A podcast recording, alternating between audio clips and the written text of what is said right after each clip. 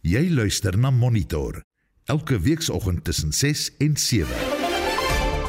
In vanoggend se program Black Sash is bekommerd oor die uitdagings wat begunstigdes van maatskaplike toelaas kan ondervind met die instelling van 'n nuwe kaartlose betalingsstelsel. Also will there be enough cash? Because we know previously there are challenges at other payment channels and beneficiaries run to retailers there are problems where there's not sufficient cash at these retailers. Bahrein, Egipte en Indonesië wil lidlande van die BRICS groepering word en die openbare raadplegingsproses oor die wysigingswetsontwerp op basiese onderwys word verleng. Welkom by Monitor onder redaksie van Jan Estreisen. Daai Tron Godfrey is vanoggend ons produksieregisseur en ek is Oudou Karelse. Die Suid-Afrikaanse vroue boksspan kort geen motivering om die naweek se wêreld sewes uitdager toernooi in Stellenbosch te wen nie. Die eerste been van die 2023 Telkom Netball Liga het begin en die vierde ronde van die 2023 Formule 1 seisoen en ook die eerste kort afstandwedren vind die naweek in Azerbaijan plaas. Ek is Shaun Schuster vir RSG Sport. Hitsmerk Putin is 'n baie gewilde gonswoord wat onder sosiale media gebruikers gedeel word. Die Wes-Kaapse premier, Ellen Winde, het dit duidelik gemaak as die Russiese president sy voete in die Wes-Kaap sit, sal hy sorg dat hy in hegtenis geneem word. Onder die hits is daar ook beeldmateriaal waar Putin en Turkye se president, Tayyip Erdogan, virtueel ontmoet nadat laasgenoemde 'n gesondheidsterugslag gehad het. Dit blyk egter dat hy terug in sy pos is. Net so, sonder lag. Reg 'n paar bekende Suid-Afrikaanse toerisme-aantreklikhede het bestemmings van jaar vir die wêreld reistoekennings benoem. Tafelberg, Robben Eiland, die Hartbeespoort sweefspoor en die VNA Waterfront ding mee vir die beste toerisme-aantreklikheid in Afrika toekenning. Dit het ons laat wonder. Wat is jou gunsteling toerisme-aantreklikheid of bestemming hier in Suid-Afrika? Een wat 'n uh, uh, besoekers eenvoudig net moet gaan kuier. Ehm um, en dan ook Kirsten Neuscheffer het binne 234 dae die Golden Globe onverpooste om die wêreld seiljag wedren gewen. Eerste vrou om dit te doen, eerste Suid-Afrikaner om dit te doen en ons vier dit vanoggend. Is jy deel van die seiljag gemeenskap of ken jy haar storie? Hoe groot is hierdie oorwinning? Vertel 'n bietjie vir ons oor Kirsten Neuscheffer en te dink sy moes uh, op een of ander stadium in die wedren koers verander het om 'n medevader te hulp te staan toe daar probleme was met hulle boot en nog steeds gewen. Fantastiese storie. Deel saam met ons. SMS se deur na 4588919 R50 per boodskap. Jy kan ook lekker saamgesels op die Monitor en Spectrum Facebook bladsy. Jy luister na Monitor elke weekoggend tussen 6 en 7. Is 10 minute oor 6. Begunstigdes van maatskaplike toelaas sal nou sonder 'n fisiese kaart hul geld kan trek. Die Posbank het 'n nuwe kaartlose betalingsstelsel ingestel wat beteken dat begunstigdes wie se goue SASSA Posbankkaarte verval het, steeds sal toelaas by kleinhandelaars kan ontvang. Die organisasie vir sosiale geregtigheid, Black Sash, sê egter die Posbank en die Agentskap vir Maatskaplike Sekerheid moet al die nodige maatreëls in plek stel indien die stelsel logistieke probleme ondervind. Winsin Mofokeng het meer besonderhede. Meer as 5 miljoen Suid-Afrikaners gebruik die goue kaarte wat deur Posbank uitgereik is. Die meeste van die kaarte verval in Junie. Daarom het die Posbank 'n nuwe kaartlose stelsel bekend gestel. Die nasionale voorspraakbestuurder van Black Sash, Huda Abrams Faker, meen daar is steeds uitdagings. It is specific that you need to go to retailers. So especially in rural areas, we're concerned about how many of those retailers there are. And also in terms of it being cardless, what are the challenges in terms of the potential for fraud? You also have the requirements that you need to have your identity document, you also need to have your old SASA card, and you need to have a cell phone. So we're not sure if all beneficiaries have cell phones, for example. Begunstigdes wie se goue kaarte verval het of nie afgehaal is nie, kan steeds hul toelaggeld by deelnemende kleinhandelaars ontvang. Abrams Faker sê dit is ook belangrik dat begunstigdes met waardigheid hanteer moet word. Because we're not sure if there is a contractual agreement with these retailers and Postbank and SASSA so that there are norms and standards that these retailers need to comply with to ensure that beneficiaries are treated with dignity, that there's enough seating, that there are ablution facilities, that there's shelter, etc. Also, will there be enough cash? Because we know previously there are challenges at other payment channels and beneficiaries run to retailers. There are problems where there's not sufficient cash at these retailers. Sy sê die digitale geletterdheid van begunstigdes is laag, veral onder ouer mense. But I think for the beneficiaries in South Africa, the shift to digitization cannot be done without ensuring that the infrastructure is in place. At the moment, especially in rural areas, there's problems with interconnectivity. You also have this load shedding at the moment. You also have high data costs, etc. And beneficiaries are living on this lifeline of a grant, which is not a significant amount. And obviously, there must be digital literacy so beneficiaries are informed. Also, the issue of language barriers because most of these digital platforms are in English. Dit was Huda Abrams Faker, die nasionale voorspraakbestuurder van Black Sash. Die woordvoerder van die Posbank, Bongani Diako, was nie beskikbaar om teen spertyd kommentaar te lewer nie. Ek is Vincent Mufokeng vir SAI Garnis. 'n Derdejaars student in mikrobiologie en genetika aan die Universiteit Stellenbosch het 'n nuwe tipe sampioen van die genus Resium ontdek en geïdentifiseer. Die sampioen het dank medis, uh, medisinale waarde.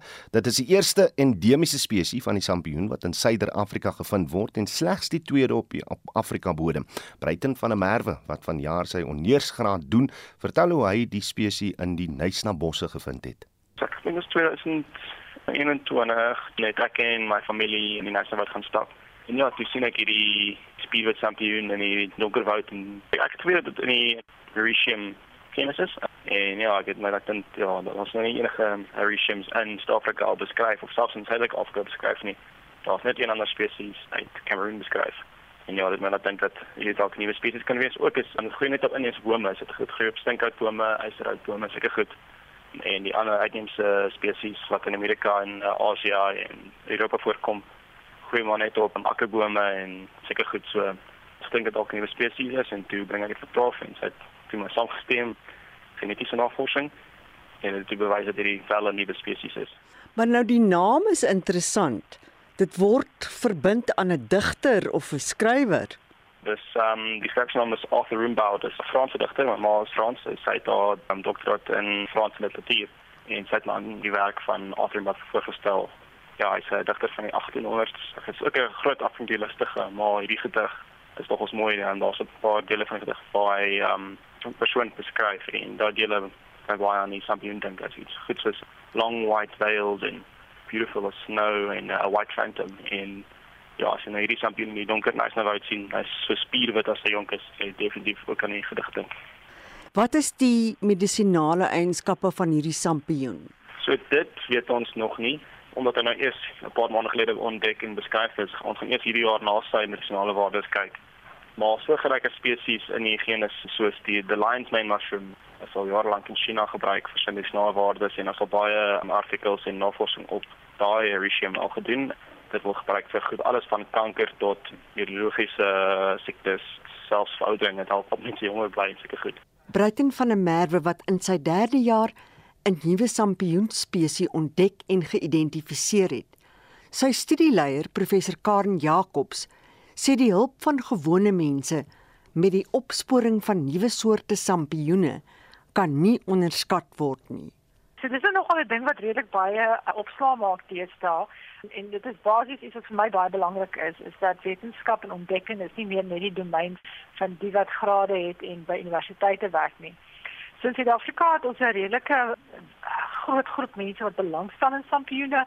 Hulle gaan uit en hulle gaan pluk hierdie goed, hulle koop kos daarmee. So daar's heelwat mense wat dit doen. En veral van van die nuwe goed wat ons nou sien, is as gevolg van ons samewerking met van hierdie mense in die publiek wat ander werke doen, maar tog hulle sampioene regtig goed ken. Professor Karen Jacobs van die departement mikrobiologie aan die Universiteit van Stellenbosch. Mitsi van der Merwe, SAK nuus. Die Galishewe Moslem Vereniging vra die Solplaatjie munisipaliteit om die toewysing van 'n stuk grond om 'n moskee te bou te bespoedig. Die vereniging sê hy is gefrustreerd omdat hy byna 2 dekades gelede vir die grond aansoek gedoen het. Die vereniging gebruik tans uh, vir, vir vier vertrekhuise as die plek van aanbidding. Ulrich Hendriks berig. Islam is vir die eerste keer in die 1970s aan Galishiwe bekend gestel. Vandag woon 800 moslems in die township, maar hulle het geen behoorlike moskee nie en hulle daaglikse gebede word in 'n opgeknapte viervertrekhuis gehou. We also have to walk a very long distance for a proper mosque like the ones in Pinel Road, the ones in Baklu Road, instead of having one in our own neighborhood Khalishewe. So it's very disturbing because of it also makes some of the youth to even leave Islam and go to other places which are near. After we had our freedom, after the happenings of 1994, we still feel deprived from not having a worshiping place in our own locality. Die Galishiwe Moslem Vereniging wil 'n veeldoelige moskee in die gebied bou, maar planne word nie goedgekeur nie omdat die Soplaatjie munisipaliteit die oordrag van grond aan die godsdienstige organisasie vertraag. Aslam Nkolisi Tawana, die voorsitter van die Galishiwe Moslem Vereniging, verduidelik. It's an all-encompassing center which will include uh, Masjidul Bilal where we do our actual prayers. It will be a community center where we've got a multi-purpose hall. Uh, we'll be doing dawah, propagation of Islam from there. We'll be doing all our commemorations, our Eid. Uh, we'll have Eid ul-Fitr, Eid ul-Adha, you know, where we commemorate Prophet Abram uh, was about to sacrifice his son. So we do a lot of slaughtering. It will happen there. We'll be able to have our own place where we prepare our bodies for when there's funerals. Tydens Ramadan verlede week het Kagisho Signoni, burgemeester van Solplaatjie, beloof om hier aan aandag te skenk. Process is already now at its final stages whereby very soon the church will be built. It's just that there were small hiccups that we were still dealing with them as an institution. But Aslam Dawana, I want to assure you that when we come back next year, the church will be standing. Die Galishiwe Moslimvereniging sê hy verloor uit op skenkings om die moskee te bou. Die konstruksiekoste vir die moskee was 4 jaar gelede reeds op 30 miljoen rand geraam. Ulrich Hendriks, SAK-nuus, Galishiwe, Kimberley. Jy luister na Monitor elke weekoggend tussen 6 en 7. Talle lande wil nou by die BRICS-groepering van Brasilië, Rusland, Indië, China en Suid-Afrika aansluit. Suid-Afrika het 'n verhouding met die ander lidlande 'n baie kleiner ekonomie en is ook geografies en demografies nie so groot nie. Die vraag is hoe kan 'n uitgebreide BRICS Suid-Afrika se posisie verander? Professor Janus van der Westhuizen van die Departement Politieke Wetenskap aan die Universiteit Stellenbosch skets die oorspronklike doel van die BRICS groepering. BRICS se doelstellings kan ons deurtrek al die pad terug na die einde van die Tweede Wêreldoorlog toe waar lande in die globale suide, die ontwikkelende wêreld al die jare nog vra dat hulle groter seggenskap wil hê in die stelsel waardeur die wêreld regeer word.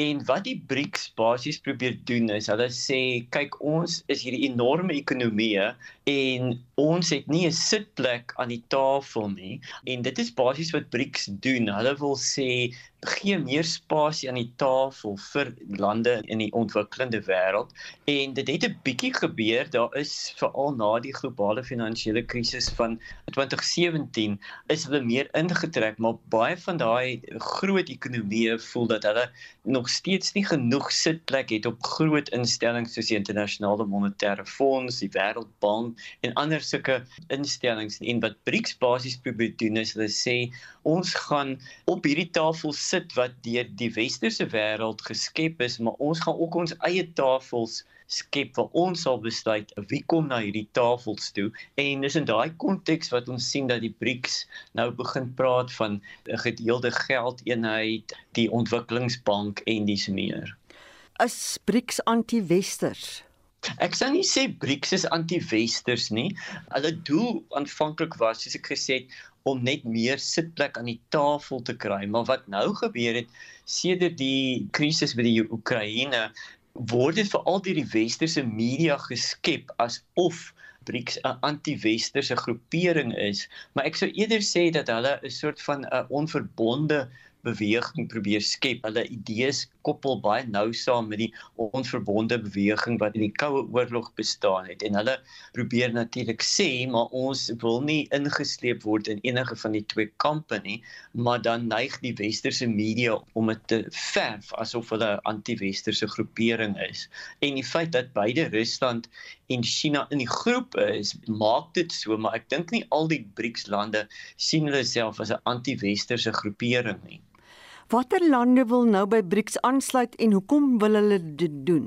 Daar's 'n hele klomp lande, ek daar's omtrent 12 lande, soos Algerië, Egipte, Indonesië, Iran, Saudi-Arabië en en nog 'n klompie meer. En ek dink daar is twee redes. Die een is daar's 'n persepsie dat die wêreldorde besig is om te skuif en as daar 'n gesprek gaan wees oor hoe hierdie globale regeringsorde verander word, wil hierdie lande in daai kamer wees waar hierdie gesprek gaan plaasvind en ek dink die motivering om by BRICS aan te sluit is die idee dat as ons deel is van hierdie groep, gaan hierdie groep 'n sê hê in hoe internasionale samewerking gaan plaasvind. En aan die ander kant is daar ook nog tot 'n mate toegang tot uh, ekonomiese steun deur byvoorbeeld die BRICS ontwikkelingsbank en ander multilaterale geleenthede. Nou, hoe sal 'n vergrote lidmaatskap Suid-Afrika se posisie raak? Suid-Afrika is tussen die duiwel en die die blou see want aan die een kant as ons onthou Suid-Afrika het deel geword van die BRICS nie op grond van sy grootte of ekonomiese ontwikkeling of so iets nie. Hy is letterlik die kleinste van al die ekonomieë en die motivering was maar Suid-Afrika kan as soort van 'n segsman vir Afrika optree. As ons nou ook Afrika lande insluit wat Suid-Afrika natuurlik graag wil doen want dit is deel van sy Afrika agenda, skep dit die probleem dat Suid-Afrika se rol dan al hoe minder raak want as ons byvoorbeeld Nigerië wat nou al 'n groot ekonomie is as Suid-Afrika insluit, watter rol speel Suid-Afrika dan? Hoekom sal Suid-Afrika nou so 'n unieke posisie hê? Die enigste ding wat ons nog het wat Nigerië bevoorbeeld nie het nie, is dat ons is deel van die G20. Maar hoe meer Afrika state ons toelaat, hoe minder is dit duidelik wat is Suid-Afrika se rol hierin. En soos ons nou al reeds weet, die G7 spitsberaad wat nou in Japan plaasvind, Suid-Afrika was nog altyd afgelope paar jaar uitgroei na die G7 alhoewel nie 'n formele lid is nie, maar hierdie jaar sien ons dat Japan nie vir Suid-Afrika uitgenooi het nie en die Afrika Unie gevra het. En wat ons daarmee sien is dat die wêreld sien nie noodwendig Suid-Afrika as die enigste toegangspoort tot Afrika nie. Daar's nou baie ander opkomende magte in Afrika waar deur die wêreld ook met Afrika kan onderhandel. Professor Janus van der Westhuizen is van die Departement Politieke Wetenskap aan die Universiteit Stellenbosch en hy het met Mitsi van der Merwe gepraat. Die publiek het steeds kans om kommentaar te lewer op die wysigingswet se ontwerp op basiese onderwys. Openbare sittings hieroor gaan in Mei hervat. Die wetgewing het onder meer ten doel uh, dat openbare skole se taal- en toelatingsbeleide deur die provinsiale onderwysdepartemente beheer moet word en nie deur die skole se beheerliggame nie. Vir meer hieroor uh, praat ons nou met AfriForum se hoof van kultuursake, Alana Bailey. Alana, goeiemôre. Goeiemôre Oudo en goeiemôre aan die luisteraars. Net net weer eens vir luisteraars wat nou nie verstaan wat hier ter sprake is nie. In sy bestaande vorm, wat is die grootste bedreiging wat die wetsontwerp inhou vir 'n uh, gehalte onderrig? Definitief wat jy reeds genoem het Oudo, die die vereistes vir ehm um, skoleplasings en dan vir die taalbeleid wat op die oomblik bepaal word deur die ouer beheerliggame van skole maar ehm um, as hierdie wetsontwerp dan nou aanvaar en geïmplementeer word, dan sal hierdie besluitnemingsmag berus by die provinsiale hoof van onderwys. So ons sien dan hier dat die gemeenskap en spesifiek die skoolgemeenskap dan nou eintlik ontmagtig word en dat daar meer sentralisasie van mag in die hande van die staat beland. En jy voel dit sal 'n uh, 'n bedreiging inhou vir Afrikaans as onderrigtaal.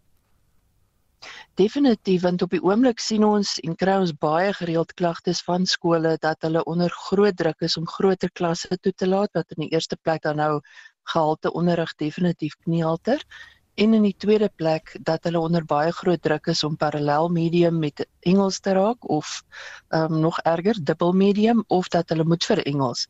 So die die provinsiale ingesteldheid teenoor taal is definitief pro Engels en dit hou baie groot gevare in vir Afrikaans medium as as 'n uh, onderrigmedium in skole. Die die feit dat jy ongeag nog steeds Afrikaans op eerste taal vlak kan kan neem, uh, is dit nie 'n waarborg dat gehalte onderrig in die taal nog steeds uitgevoer sal word nie. Nee, want wat ons sien is wanneer daar kompetisie van 'n kleiner taal met 'n wêreldtaal is, dan ehm um, al is 'n skool ook parallel medium, op die lang duur gaan dit vir Engels en ehm um, dit is vir ons die groot gevaar lig vir Afrikaanse onderrig. Afrikaans is 'n baie sterk taal, maar in kompetisie met met 'n groot wêreldtaal soos Engels is daar definitief nie langtermyn waarborge dat Afrikaans behou gaan word as 'n onderrigtaal nie. Ons het reeds in die universiteite hierdie proses sien gebeur waar daar nie meer 'n enkele um openbare universiteit is waar jy um in Afrikaans kan uh, enige kwalifikasie ten volle behaal nie. So um ons vrees is dat dieselfde proses in skole gaan gebeur tensy die skoolgemeenskap seggenskap behou oor en dan nou die finale besluitnemings mag behou hmm. oor wat die skool se taalbeleid gaan wees.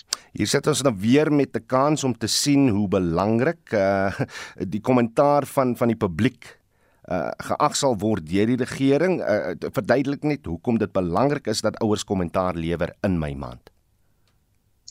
Dis 'n baie groot geleentheid vir mense om om hulle persoonlike kommentaar te gaan lewer en dan nou in persoon 'n mondelinge voorlegging te doen aan die parlementêre komitee wat hieroor moet besluit.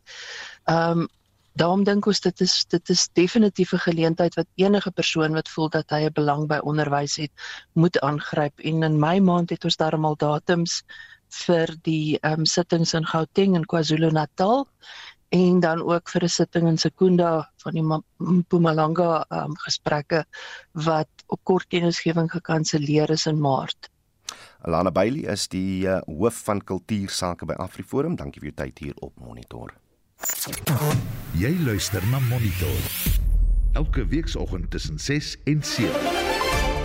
Presies 6:30 in die hoofnuus gebeure. Die Solidariteit Navorsing Instituut sê 'n toevoertarief moet ingestel word om verbruikers aan te moedig om sonkrag op te wek en die uh, elektrisiteit terug aan die netwerk te verkoop. 'n Nuwe tipe sampioenspesies in die Nysna bosse ontdek en strydende militêre magte in Sudan het ingestem om 'n 3-daagse skietstilstand te verleng. Bly ingeskakel hier op RSG. Nou waaroor praat ons vanoggend? Wel eintlik twee dinge, want eerstens 'n paar bekende Suid-Afrikaanse toerisme aantreklikhede en bestemmings is van jaar vir die wêreld reistoekennings benoem. Op my lys is Tafelberg, Robben Island, die Hartbeespoort Sweefspoor en die VNA Waterfront. Hulle uh, ding mee vir die beste toerisme aantreklikheid in Suid-Afrika of liewer in Afrika toekenning. Dit het ons laat wonder wat is jou gunsteling toerisme aantreklikheid op bestemming in Suid-Afrika? En dan wil ek ook weet, uh omdat ons nou vanoggend baie goeie nuus vier. Kirsten Nuscheffer, die uh dame van Kleberga, het uh binne 235 dae die Golden Globe onverpooste om die wêreld seiljag wedren gewen. Die eerste vrou om te doen, die eerste Suid-Afrikaner om dit te doen. So dis goeie nuus en ons wil net weet as jy in die seiljag gemeenskap is, wat weet julle van Kirsten se storie? Hoe groot is hierdie oorwinning op die SMS lyn sê Judith Fernandez. Vanoggend bars ek van trots. Ek volg Kirsten Newshafer se reis al van November af. Sy is 'n merkwaardige vrou en verdien beslis om die uitmergelende wetvaart te wen. Baie geluk sê Kirsten. Vertel 'n bietjie meer. Uh wat dit die toerisme aantreklikheid betref sê uh, Samuel Walters van Gouda, die Tilbag Aardbewing Museum is 'n moed. Uh die uh, stof uh, tot uh, nadenke en leer saam. Daar sê uh, op Facebook wat sê ons uh, luisteraars oor die uh, toerisme aantreklikhede net met hy boodskappe uitkom. Uh Sheila Cecilia Lombard sê die Wes-Kaap, Kaapstad en omgewing so pragtig, berge, see, wynlande, fynbos, oudtshoorn tot in Nysna. Peer en Daleen van Herden uh sê ons was by die Hartbeespoort sweefspoor en dit is beautiful. Skryf hulle so hierdie ronde gaan my stem vir hulle. Bets Ferreira sê Kreer Wildtuin is ons nommer 1, daarna kom Tafelberg, Kirstenbos, Harties Kabel, Harties Kabelspoor, Namakoland blomme en al die ander wonderlike plekke in ons mooi land. Ons het 'n pragtige land, né? Nee? Nog van julle SMS'e deur na 45889 dit kos jou R1.50 per boodskap en jy kan ook lekker gesels saam met ons op die Monitor en Spectrum Facebook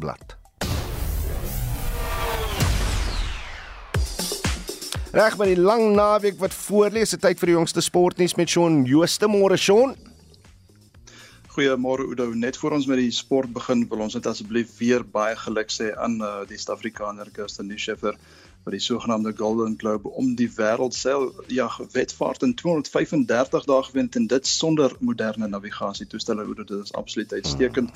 Uh, sy is die eerste vroue deelnemer om die wetvaart te wen en 16 uh, deelnemers natuurlik op 4 September die seile gespan en sy eindig met uh, meer as 'n dag voor en na se teenstander. Dit is uh, baie groot nuus vir Suid-Afrika. Ons het die goeie nuus nodig. Nou, gepraat van vroue in sport, die tweede vroue wêreldsewers uitdagers uh, uitdager toernooi van die naweek in Stellenbosch by die Makotter uh, Stadion plaas. Uh, wat is op spel vir ons dames? Oor kwalifikasie vir die vroue wêreld sewe reeks in 2024 wag op die span wat nou bo aan die punteleer eindig. Nou Suid-Afrika is eerste op 20 punte en word gevolg deur België, China en Pole. Nou vir die toernooi is ons in groep A saam met Madagaskar, Paraguay en Thailand geplaas. Vanoggend 11:44 uh, kom Suid-Afrika teen Paraguay en dan vanmiddag 2:46 teen Madagaskar te staan en dan die tweede helfte van die Curriebeeker seisoen begin ook vanmiddag 5:00 in Johannesburg tussen die Lions en Pumas en dan vanaand net so na 7 is dit die uh, Cheetahs teen die Griffins in Bloemfontein. Die netbal wêreldbeker toernooi begin oor 3 maande hier in Suid-Afrika, maar nou fokus ons eers op uh, die Telkom Netbal Liga wat gister afgeskop het. Ja, die eerste van twee bene dan gister af, afgeskop en dan vind tot maandag 1 Mei in Seshego in Limpopo plaas. Nou gister in die Premier Liga die verdedigende kampioene die Golden Fireballs 45-40 teen die Jaguars uh, geseëvier die spanne van Gauteng. Die Wes-Kaapse Southern Stings het die Noordwes Flames met 51-33 afgeronsel en die KZN King Kingdom Stars het 41-32 met die Noord-Oos-Kaapse Allows afgereken. Nou vanoggend 10uur is dit die Southern Stings teen die Kingdom Stars vanmiddag 2 uur die Jaguars teen die Free State Cannons en dan vanaand 6 uur die Flames teen die Golden Fireballs. Ek weet jy of jy 'n liefhebber is nie, maar na 4 weke is dit weer tyd vir Formule 1. Ja, nee, ek sien baie uit na die naweek se Formule 1 wedren. Na 4 weke, soos jy sê, dit is die 4de ronde van die 2023 seisoen van die naweek in Baku in Azerbaijan plaas. En uh, dis die eerste oefenronde is vanoggend half 12 en dan kwalifikasie vir Sondag se wegspringrooster vanmiddag so rondom 3 uur se kant en onthou is ook die eerste kort afstand wedren van die seisoen daar 6 vir die seisoen en die eerste een vind môre middag plaas. En almal in die wêreld klop vir Tottenham Hotspur, net nie Manchester United nie. ja, nee, dit uh, gaan regtig baie moeilik op die oomblik uh, Manchester het net nie die vermoë lyk my om van daai uh, wedstryde weg te sit so vroeg en ek meen ons was 2-0 voor na die eerste helfte gewees. Maar ons kyk dit gou vinnig na die uh, DStv Premier Liga uitslae van gister. Kaizer Chiefs te wegwedstryd teen Chippa United met 1-0 en Marokko Swallows tuis uh, ook 1-0 teen Maritzburg United gewen en dan nou na die Engelse Premier Liga Tottenham Hotspur en Manchester United het 2 elk gelyk op gespeel. Everton is met 4-1 deur Newcastle United afgedraf en Southampton verloor 1-0 teen Bournemouth. En as hy Shaun Jooste daar van RSG Sport.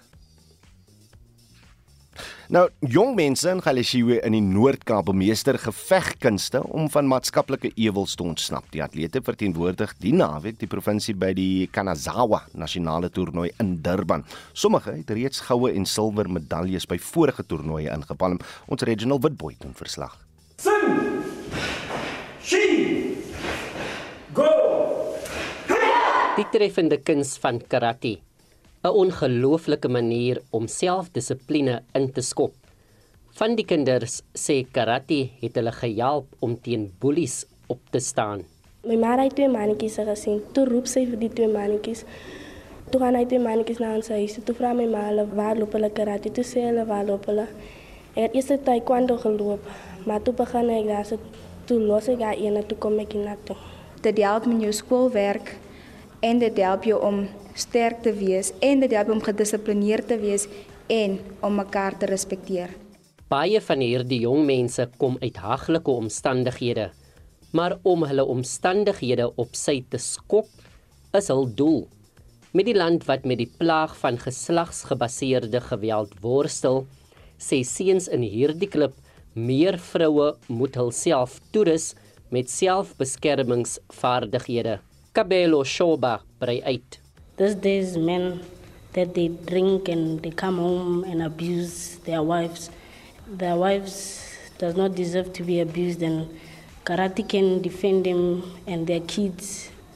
In 'n woord van bemoediging vir diegene wat huiwer om by 'n gevegsklub aan te sluit. Lerato Nkosi verduidelik. Ek het begin karate doen toe ek 5 jaar oud was omdat om ek passionate was vir dit. Ons is almal bang, maar een of ander tyd sal jy moet karate join om jy jou moet kan beskerm in die straat as 'n jongeling. Die atlete wat hierdie naweek vir 'n toernooi na Durban moet reis, ervaar finansiële uitdagings en kan dit dalk misloop. Dit ondanks hulle uitreiking na staatsdepartemente.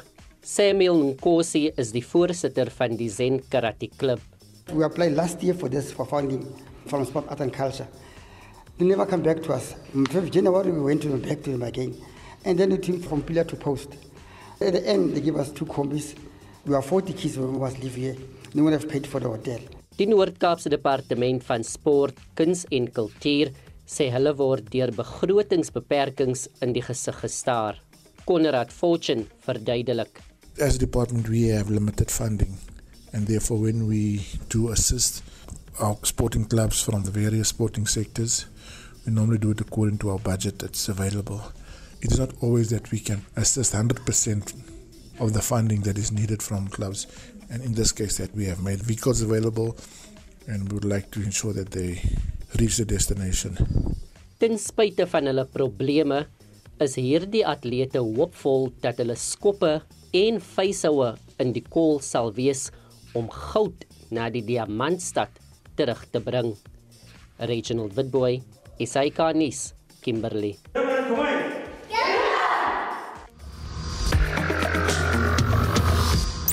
Monitor jou oggendnuusprogram op RSG.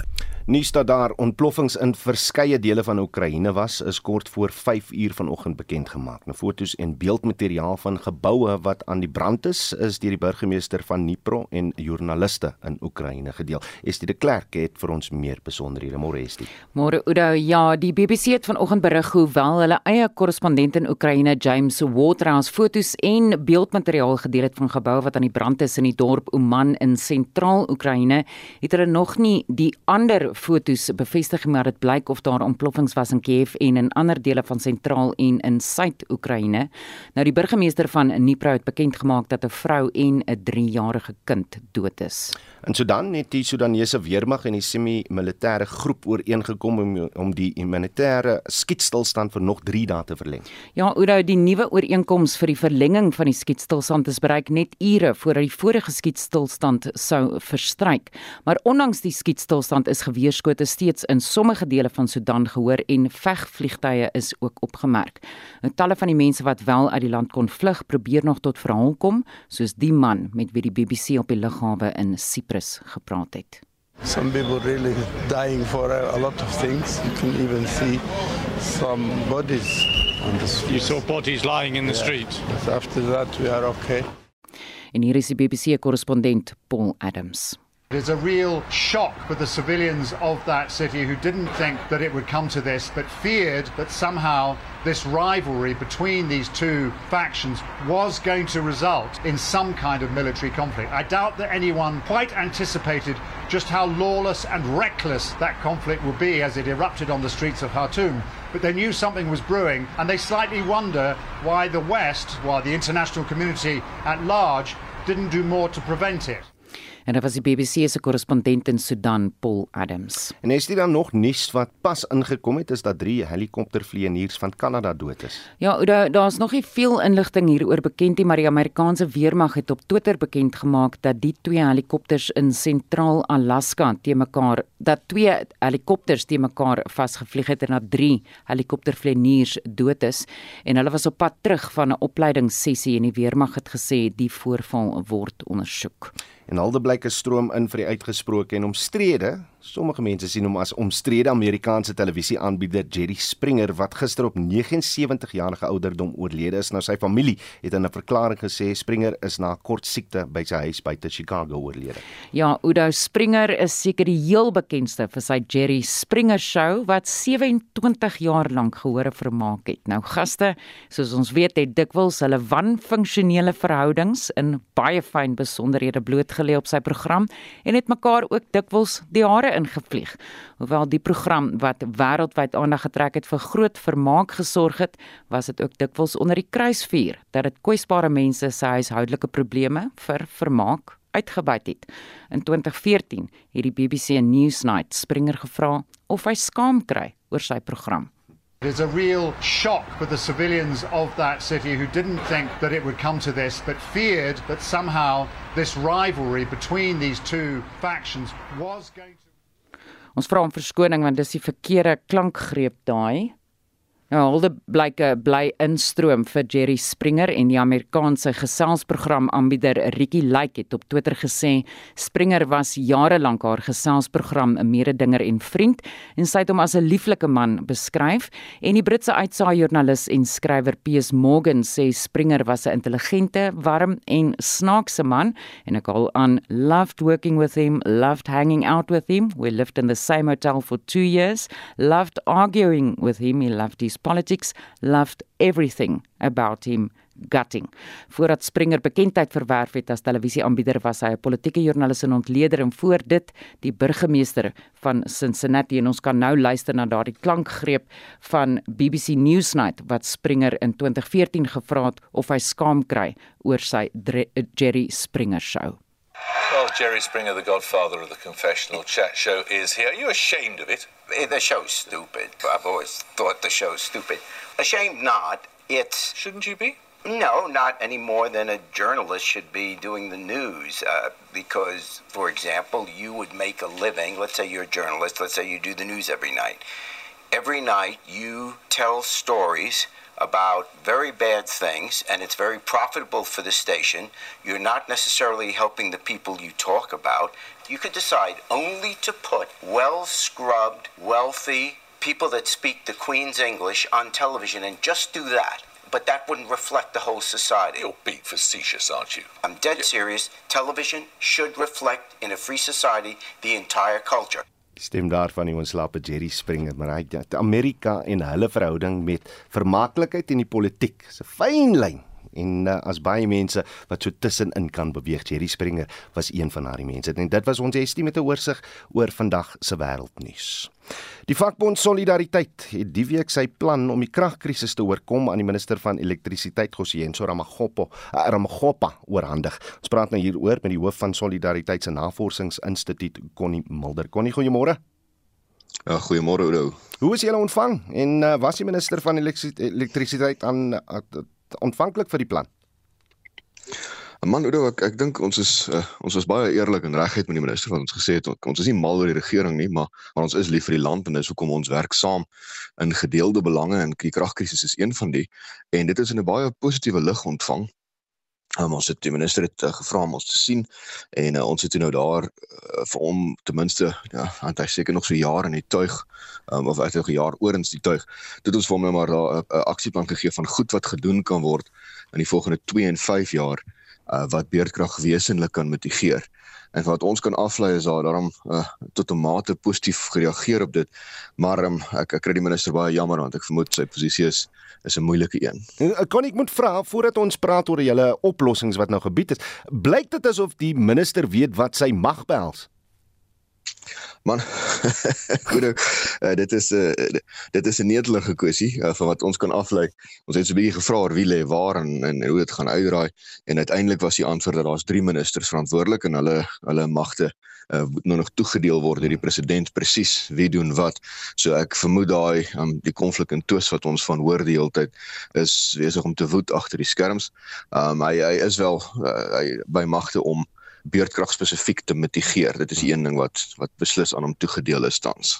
Reg of dit nou Mantashe, uh, Gordhan of uh, uh, uh, minister Ramagopa is, wat is die korttermyn oplossings wat solidariteit solidariteit bied aan die regering?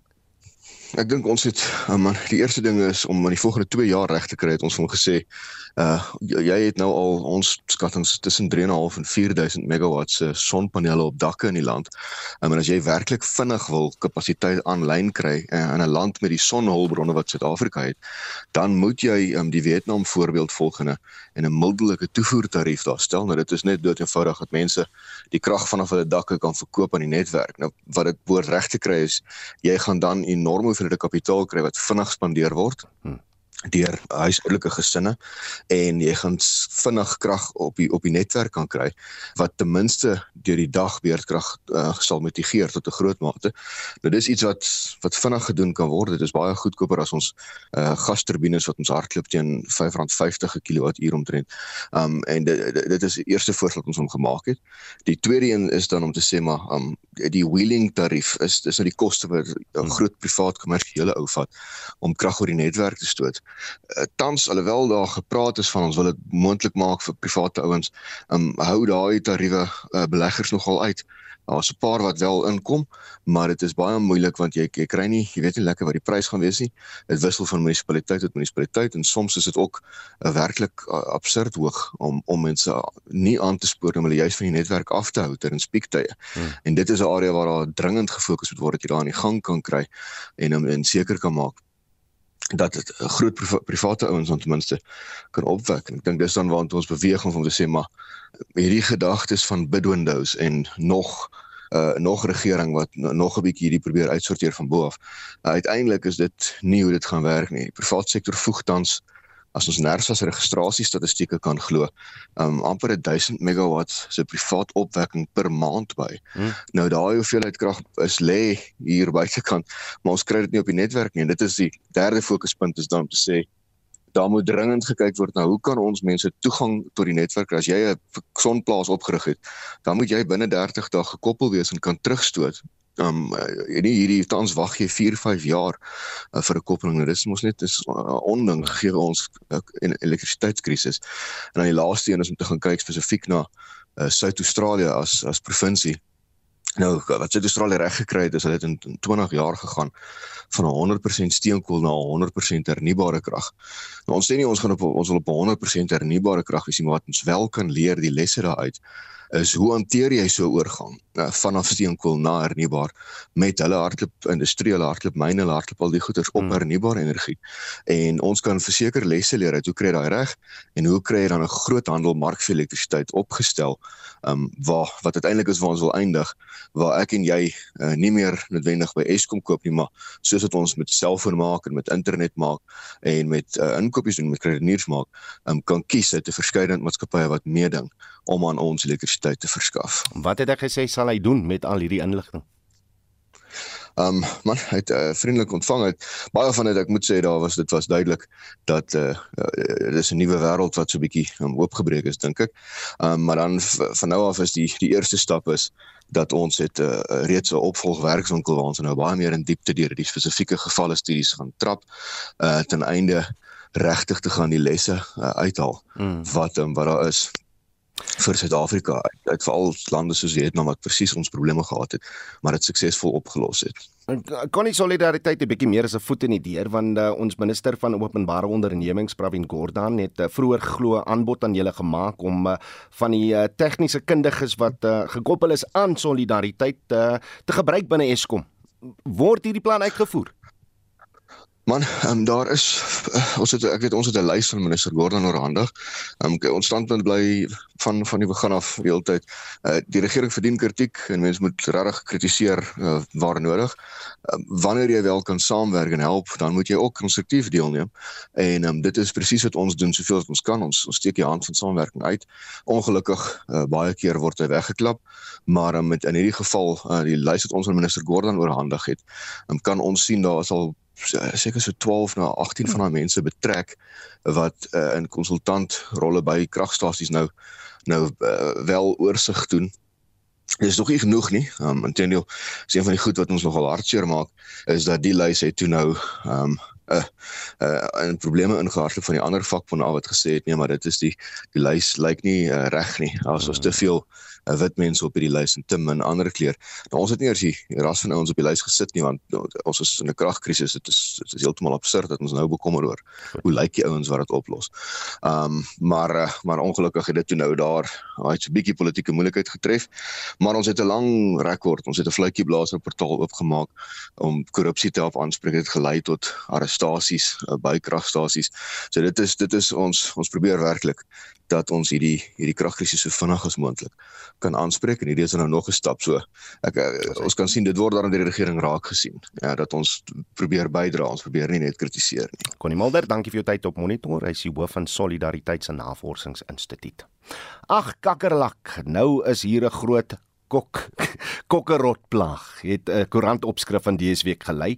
Na aanleiding daarvan praat ons dokter Willem Botha vanoggend onder andere oor kakkerlak en ander eh, gaga goeters. Uh, dokter Botha is die voormalige hoofredakteur van die Woordeboek van die Afrikaanse taal. Môre Willem. Goeiemôre Oudo. Waar is die plaag en waar kom die woord kakkerlak waaroor Desendon Lindberg so lekker gesing het vandaan? Ja, Desen Dawn het gesing van die kakkerlakke wat lak en die boerbokke wat boer in die berge. Uh die kakkerlakplaag het in Februarie oor die land heen uitgebreek, maar dit kom veral in die Wes-Kaap en Gauteng voor. Die uitbreking is die gevolg van nat grond, maar ook van onhigiëniese toestande waarin mense woon. 'n Vuil kombuis vol oorskietkos kan byvoorbeeld die toestand vererger deurdat dit die kakkerlakke aanlok. Ons kry die woord kakkerlak uit Nederlands en die Nederlanders het dit weer gaan haal uit Portugees kakalaka. Nou die Portugese het die insekte waarskynlik kakalakas wat letterlik beteken insek waarvan die ontlas, ontlasting lyk soos lak genoem na aanleiding van die kleur en die gladde voorkoms van die uh, kakkerlak se eiers en uitwerpsels. Ons noem dieselfde insek ook 'n kokkerot Nou kokkerot het deur volksetimologie ontstaan uit Engels cockroach. En cockroach is vir die eerste keer in 1624 in Engels opgeteken. Volksetimologie behels dat sprekers 'n woord uit 'n ander taal uit onkunde verdraai of omdat hulle dit ter wille van die humoristiese effek verdraai. So het ek onlangs gehoor dat na Richelieu brandewyn verwys word as Ricky Lou. Gee daar vir my asseblief 'n Ricky Lou. Ek wil ook iets Ek wil ook ietsie sê oor ander gaga goeters. Uh gogga. Ons praat ook soms van 'n goggo of ons verkort dit tot go of gog. En dit is enige insek of 'n klein kruipende diertjie, maar veral 'n lelike grillerige een. En dan interessant genoeg uh, word gogga ook gebruik as 'n troetelnaam teenoor 'n vrou of 'n kind. Kom hier my gogga. Nou ons kry gogga uit koi en in koi het dit beteken enige kruipende of wriemelende insek. Dan is daar nog iets lelik soos 'n weeluis. Nou 'n weeluis is 'n bloedsuigende insek met 'n slegte reuk wat gewoonlik snags aktief is. En ons het dit uit Nederlands gekry waar die woord is weegluis. En dit is 'n samestelling van weeg wat muur beteken en luis. Nou die dier is so genoem, die insek is so genoem omdat die luis dikwels teen die muur agter vloerluiste aangetref word. Net so terloops, die Nederlanders noem alles van 'n insek so klein soos 'n muur tot 'n perd 'n beest. So die uitroep wat 'n wat 'n rare beest kan dus verwyf verwys na enigiets van die kleinste goggaatjie soos 'n muur tot 'n groot dier soos 'n perd. Baie baie interessant. Ek hoor net kakkelak uit niks uit te waai met chakalaka nie. Dis ons dokter Willem Botha met uh, vandag se woord. En so gepraat van monitor skakel gerus in op Spectrum tussen 12 en 1 vanmiddag vir nog nuusaktualiteit asook brandpunt omstreeks kwart voor 6 vanmiddag. Ons groet dan namens ons uitvoerende regisseur Nicoline de Wee, die redakteur vanoggend is Jean Esterhuis en ons produksieregisseur is Daitron Godfrey en ek is Udo Karelse. Geniet die lang naweek in die geselskap van RSG. Totsiens.